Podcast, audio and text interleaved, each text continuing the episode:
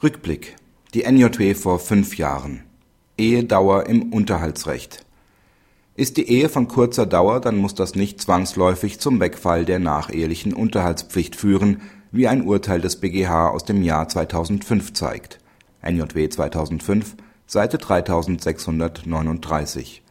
Die Parteien, über deren Alter nichts bekannt ist, hatten am 5.4.1991 geheiratet, drei Monate später kam die gemeinsame Tochter zur Welt, am 24.07.1991 bezog man die erste gemeinsame Wohnung und am 28.07.1991 trennte man sich wieder. Gegen die Verurteilung zur Zahlung eines nachehelichen Unterhalts in Höhe von monatlich 292,46 Euro wendete der Ehemann die kurze Ehedauer ein und begehrte den vollständigen Wegfall seiner Unterhaltspflicht. Das Amtsgericht reduzierte den nachehelichen Unterhalt auf 53 Euro, die Berufungsinstanz setzte den Unterhalt auf 277 Euro pro Monat fest und lehnte eine weitere Reduzierung mit Rücksicht auf das Kindeswohl ab.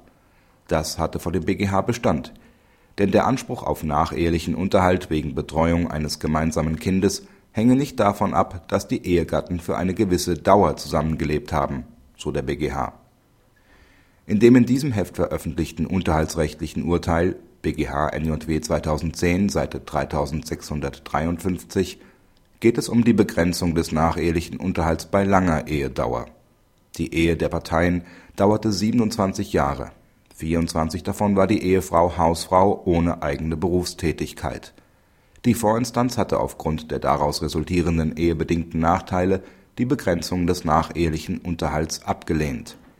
Diese Schlussfolgerung überzeugte den BGH mangels entsprechender Feststellungen in den Entscheidungsgründen nicht.